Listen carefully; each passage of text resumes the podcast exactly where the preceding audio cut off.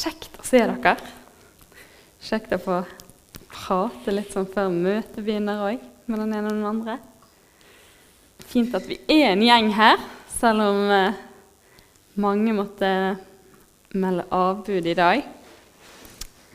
Jeg eh, tenkte jeg skulle gjøre et forsøk på å henge meg på. Vi har jo et, tema nå denne høsten med hjertet for Jesus. Og eh, de som har forsynt til nå, har jo brukt litt tid i Johannes evangelium. Så jeg tenkte jeg ville prøve å henge meg på.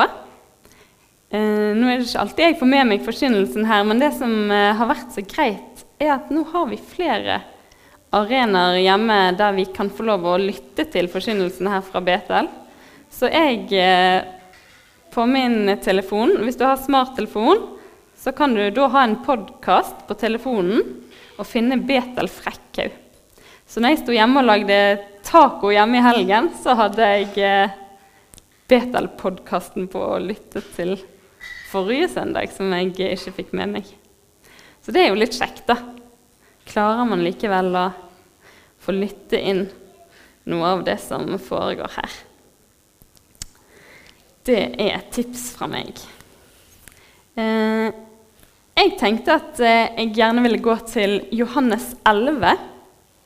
Så hvis du har Bibelen med deg, så kan du jo få finne frem. Og er du riktig så kjent, så er du kanskje klar over at det er Lasarus-kapitlet. Så vi eh, tar og går litt igjennom dette her med Lasarus i dag.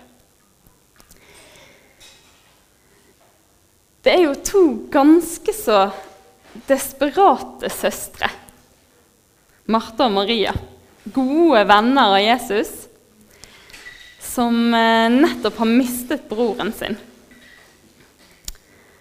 De eh, har vandret tett til Jesus, de har hørt han fortelle om Guds rike. De har hørt han eh, fortelle om Guds kraft, og de har til og med sett med sine egne øyne hvordan han kan berøre mennesker, hvordan han kan gjøre tegn og under. Og de har tro. De vet at Jesus, han kan. Han kan sette mennesker fri. Han har demonstrert det flere ganger. Og tenk, de har liksom eh, ikke bare Jesus iblant oss sånn som vi, men de har han til og med fysisk vandrende bankende på døren. Han kommer på middag til dem. For en herlig relasjon de har til Jesus. Også nå når katastrofen inntreffer, når livet tar en uh, overraskende vending, så er ikke Jesus der. Han står ikke utenfor døren, han står ikke i hagen, han er ikke i gaten, han er ikke i byen engang.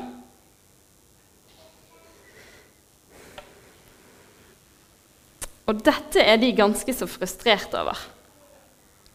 Lasarus hadde blitt såpass syk at kroppen ikke klarte mer. Og Martha og Maria de hadde til og med sendt bud etter Jesus før Lasarus døde, og sagt 'Jesus, han som du er så glad i, er syk'.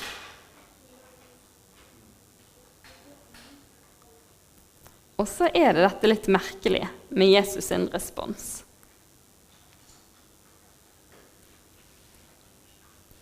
Jesus han responderer denne sykdommen betyr ikke døden. Den er til Guds ære. Den skal vise Guds sønns herlighet. Vi kan se inn i vers 6. Da han hadde fått høre at Lasarus var syk, ble han ennå to dager der han var. Frustrerende, hæ?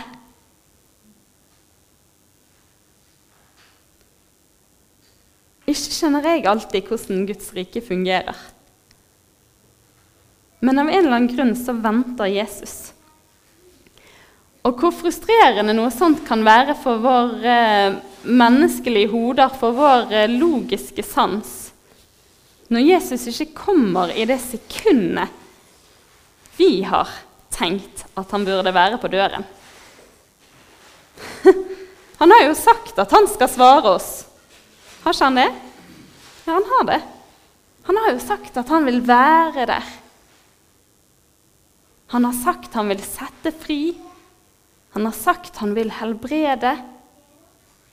Han har sagt han vil frelse. Og vi tror på dette. her. Dette, dette er det vi står på, det vi lever ut ifra. Skulle til å si det er den vi er. Han har jo sagt Har han ikke det? Har han ikke det? Hm.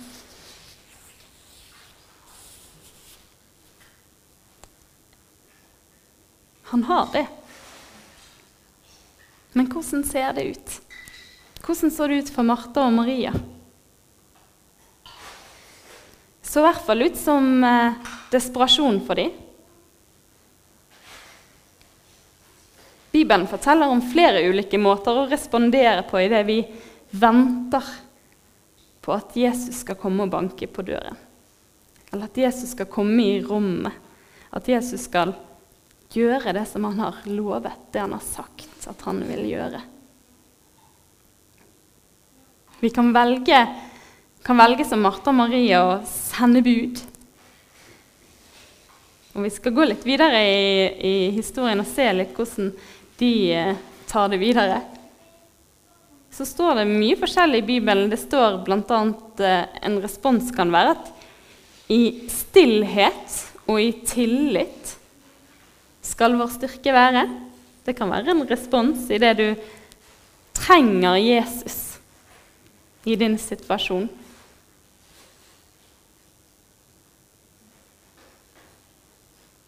Mm. Den som ber, skal få. Den som banker på, som gjentatte ganger banker, han skal det lukkes opp for. La oss se hvordan dette utspiller seg i Johannes 11. Jeg har lyst til å lese fra, fra vers 7 og videre hva som skjer. Deretter sa han til disiplene.: La oss dra tilbake til Judea, altså der som Lasarus er. Så sier disiplene, 'Rabbi, nylig prøvde jødene å steine deg, og nå drar du dit igjen?' sa disiplene. Jesus svarte, 'Har ikke dagen tolv timer?' Den som vandrer om dagen, snubler ikke, for han ser lyset i denne verden. Men den som vandrer om natten, han snubler fordi han ikke har lys i seg.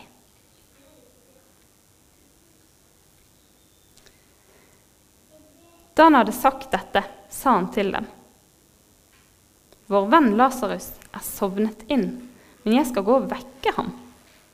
Da sa disiplene, Herre, hvis han er sovnet, blir han nok frisk. Jesus mente at han var død, men de trodde han talte om vanlig søvn. Da sa Jesus rett ut, 'Lasarus er død.' Og for deres skyld er jeg glad for at jeg ikke var der, så dere kan tro. Men la oss gå til ham. Thomas, han som ble kalt Tvillingen, sa da til de andre disiplene.: Også vi går med, så vi kan dø sammen med ham. Da Jesus kom fram, fikk han vite at Lasarus hadde ligget fire dager i graven. Betania ligger like ved Jerusalem, omtrent 15 stadier fra byen. Og mange av jødene var kommet til Martha og Marie for å trøste dem i sorgen over broren. Da Martha hørte at Jesus kom, gikk hun for å møte ham. Maria ble sittende hjemme. Martha sa til Jesus, 'Herre, hadde du vært her, var min bror ikke død.' Men også nå vet jeg at alt det du ber Gud om, vil Han gi deg.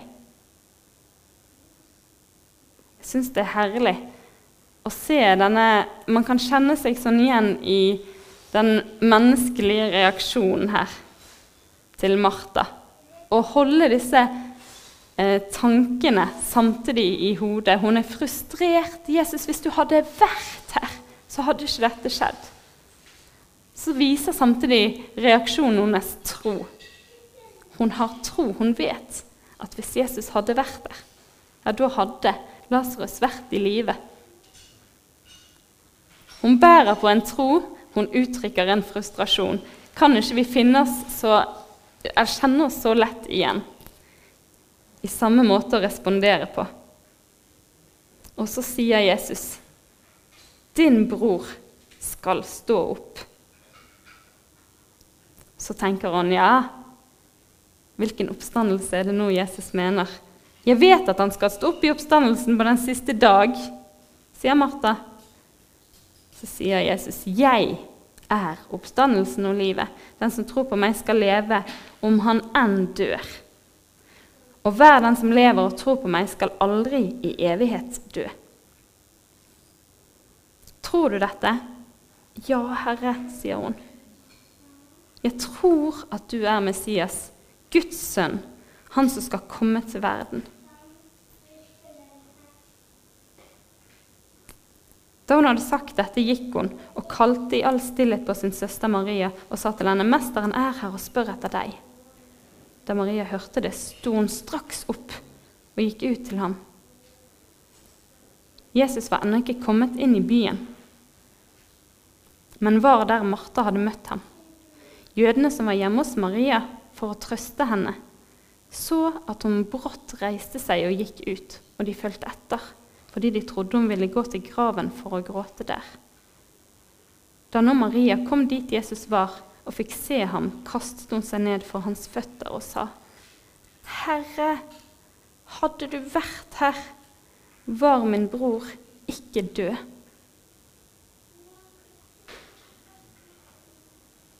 Jeg syns det er så mye fint med dette. Vi vet om Maria sitt eh, inderlige forhold til Jesus, at hun er en som nyter å sitte ved hans føtter. Hun nyter å være nær Jesus og lytte til visdommen, lytte til hjertet hans. Hun har en inderlig relasjon til Jesus. Og hun òg vet hadde han vært her, så hadde ikke Lasarus vært død. Og så skjer dette her som jeg syns er òg så vakkert. Da Jesus så at både hun og alle jødene som fulgte henne, gråt, ble han opprørt og rystet. Han sa, 'Hvor har dere lagt ham?' 'Herre, kom og se', sa de så er det dette verset, korteste i hele Bibelen. Jesus gråt.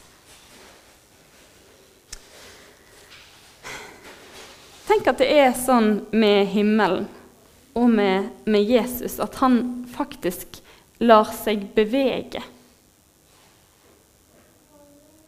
av våre omstendigheter.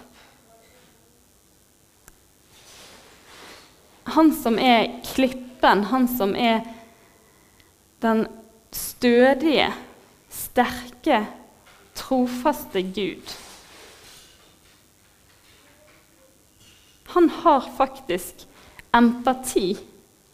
Det er ikke sånn at i møte med han så, er, så beveger ikke følelser seg for hans del. Jeg syns det er herlig og fantastisk å tenke på det at, eh, at Guds sønn kan kjenne på sorg. Han lider med oss, står det et annet sted i ordet. Han lar seg bli opprørt, han lar seg bli rystet. Og det er ikke bare sånn at han er en trøstens gud som vi kan komme til med, med vår eh, sorg eller smerte eller frustrasjon og så skal han snu det om til glede. Nei, han møter oss faktisk på en sånn måte at han kan kjenne på det samme. At han kan ha empati. Han kan føle med oss og bli beveget av deg. Og jeg eh, var litt usikker når jeg satt hjemme. og begynte å tenke på Nå er jo jeg i skolen, og jeg, i ny læreplan så er det fokus på følelser. Fokus på livsmestring, fokus på psykisk helse. Satt jeg hjemme og tenkte nå når jeg ble så opptatt av akkurat dette her, med hvordan Jesus gråter. Er ikke det rart hvordan det er for oss at vi kan tenke på disse tårene som svakhet? At, kan, at det kan være skam for mange av oss knyttet til det å uttrykke at eh, vi kjenner oss sorgfull, vi kjenner oss svak. Vi har ikke noe svar, vi er frustrert. Eller vi er lei oss. Men vår kjære Jesus gråter offentlig. Og kanskje, det, kanskje dette er noe som Kirken skal få lov òg. Som en del av å anerkjenne at vi er ånd, vi er sjel, og vi er kropp. Og kanskje vi skal få lov å bli velsignet med å være noen som våger å anerkjenne at òg følelser skal få være en eh, synlig del av våre liv og av vårt trosliv. Og at ikke tvilen er så farlig, om den òg skulle dukke opp. Den er en nydelig Jeg vil påstå at tvilen er en nydelig del av vår trosreise. Frustrasjonen, tvilen, om man skulle ende der at man roper ut til Jesus 'Hvor er du i mine omstendigheter? Hvor er du i min situasjon?' Vi kan være så redd for det av og til, for det er som å delvis uttrykke tvil. Men Jesus han kan virkelig møte oss i det vi er ærlige og oppriktige om òg den delen av vår reise. Jeg tror det gir et, eh, en fantastisk mulighet, en kjempeinngang for Jesus til virkelig å møte oss på et dypere plan. Mm. Vi går litt videre. Jesus han gråter. Så sier disse jødene som har kommet til Martha Maria, se hvor han holdt av ham. Altså, Se hvor glad han er i Lasarus. Men noen av de sa, kunne ikke han som har åpnet øynene på den blinde, også gjort at denne mannen ikke var død? Jesus ble igjen opprørt og gikk bort til graven. Det var en hule, og en stein var lagt foran den. Jesus sier, 'Ta steinen bort'. 'Herre', sier Martha, 'den døde søster'. Det lukter av han. Han har jo ligget i graven i fire dager. Jesus sier til henne, 'Sa jeg deg ikke at hvis du tror, skal du se Guds herlighet?' Og jeg lurer på hva forventning Martha våger å kjenne på i det Jesus sier disse ordene her. Og i det hun i tro drar vekk denne steinen, vet eh, hva som møter henne der inne, vet hvor inderlig vondt det vil gjøre om Lasers fremdeles blir der inne i stanken det er ikke det skjer noen ting. Hun eh, våger i hvert fall å gjøre det. Så tok de bort steinen, og Jesus løftet blikket mot himmelen og sa, Far, jeg takker deg fordi at du har hørt meg. Nå visste du Nei, nå Nei, jeg visste at du alltid hører meg. Og jeg sier dette for folkets skyld som står omkring, så de skal tro at du har sendt meg. Så ropte han ut med høy røst. Lasarus, kom ut! Jeg syns det er så fantastisk over dette her. Tenk det å ha en ropende Jesus utenfor sin brors grav. det blir jeg litt rørt av. Jeg holdt på å si når Jesus roper, da gråter jeg. Tenk det, når stemmen til han som har vært med og skapt meg og deg, han som har eh, gitt liv til alt rundt oss med, med sin pust har han gitt liv til meg og deg og alt som beveger seg på denne kloden. Og så velger han å rope. Da skjer det ting. Når Jesus roper over våre liv, da skjer det ting. Da er det noe som beveger seg. Og Lasarus fikk iallfall oppleve fysisk at hjertet hans begynte å hamre igjen idet Jesus sto utenfor hans grav og ropte 'Lasarus, kom ut!' Jeg vet om et par drømmer som jeg gjerne skulle hørt at Jesus ropte over i mitt liv, i mitt hjerte.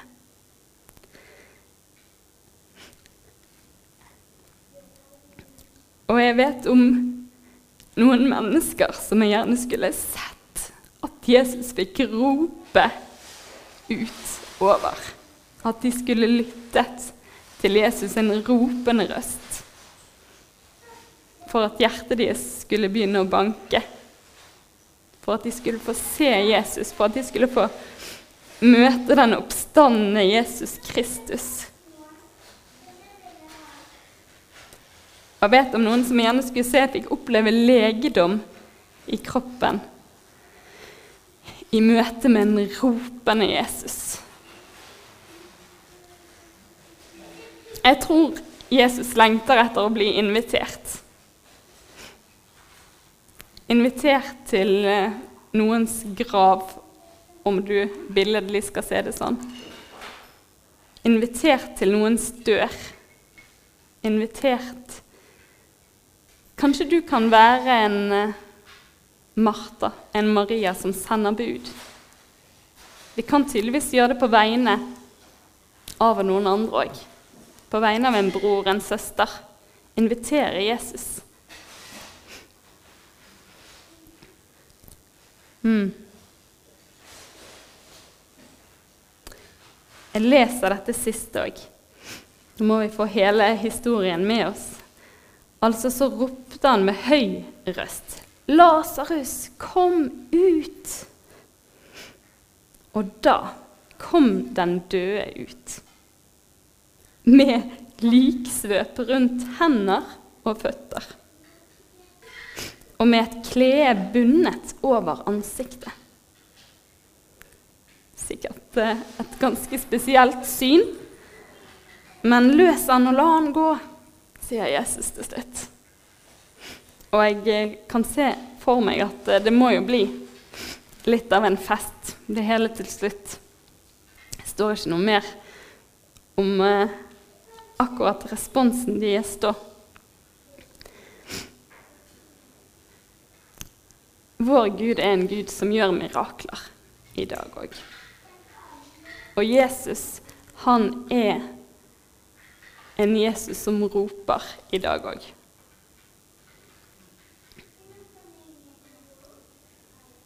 Mm. Jeg eh, har en sang jeg liker veldig godt om akkurat denne historien her. Han er på engelsk. Han heter You Came. Og så handler han om dette her at Jesus eh, faktisk kom, og at Jesus han kommer til våre omstendigheter. You came, I knew that you would come. Altså, du kom, Jesus, og jeg visste at du ville komme. Vi kan få ha denne vissheten og denne tilliten til at Jesus han kommer. Han kommer til å dukke opp. Så kan vi velge hvordan vi vil eh, hva responsen vår skal være i mens vi venter. Da må vi kjenne litt etter i vår ånd og i vårt hjerte. Ja. Tor André spiller du eh, film eller sang for oss. Og så håper jeg at eh, teksten er noenlunde forståelig. Og så kan du kanskje nyte uansett eh, ånden i det eller musikken. Skal jeg be litt etterpå.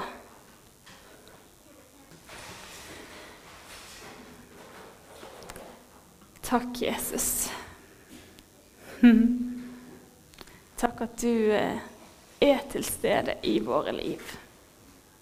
Takk, Jesus. Takk at du vet hvor vi bor, Jesus. Du banker på vår dør, Jesus. Takk at om vi trenger det, Jesus, så er du villig til å komme og rope. For at våre hjerter skal banke igjen, Jesus. For at vi skal kjenne at vi lever nær til deg, og kjenne at vi lever i det kall som du har over våre liv, Jesus. Jeg har bare lyst til å velsigne oss alle med å høre lyden av din stemme i dag, Jesus. Rope over våre liv, vekke våre hjerter i dag, Jesus. Gi oss håp, gi oss tro for fremtiden. Gi oss håp, gi oss tro for de omstendigheter vi står i, Jesus. Takk, Jesus. Takk, Jesus, og takk for din villighet til å møte oss til og med på det følelsesmessige plan, Jesus. Takk for uh, din empati, Jesus. Takk for at det er sånn at du ikke bare forstår, men at du faktisk føler med oss. Takk for det, Jesus. Og takk for styrken det kan være å anerkjenne de følelsene, og så kan du ta oss gjennom det, Jesus, og vise oss håpet der fremme, Jesus. Takk for det håp du har kalt oss til, Jesus. Takk for den plassen vi har hos deg, Jesus.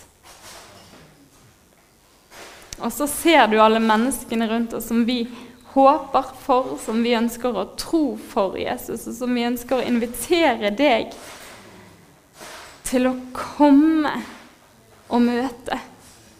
Kom du, Jesus Kristus, og rop til mennesker i denne bygden her. Kom du, Jesus, og rop til vår familie, vår slekt, våre venner de som vi har rundt oss, vi som er her i Betel. Kom og vekk deres hjerter, Jesus, så de kan få se deg, Jesus Kristus. Takk, Jesus. Ja. Mm. Amen.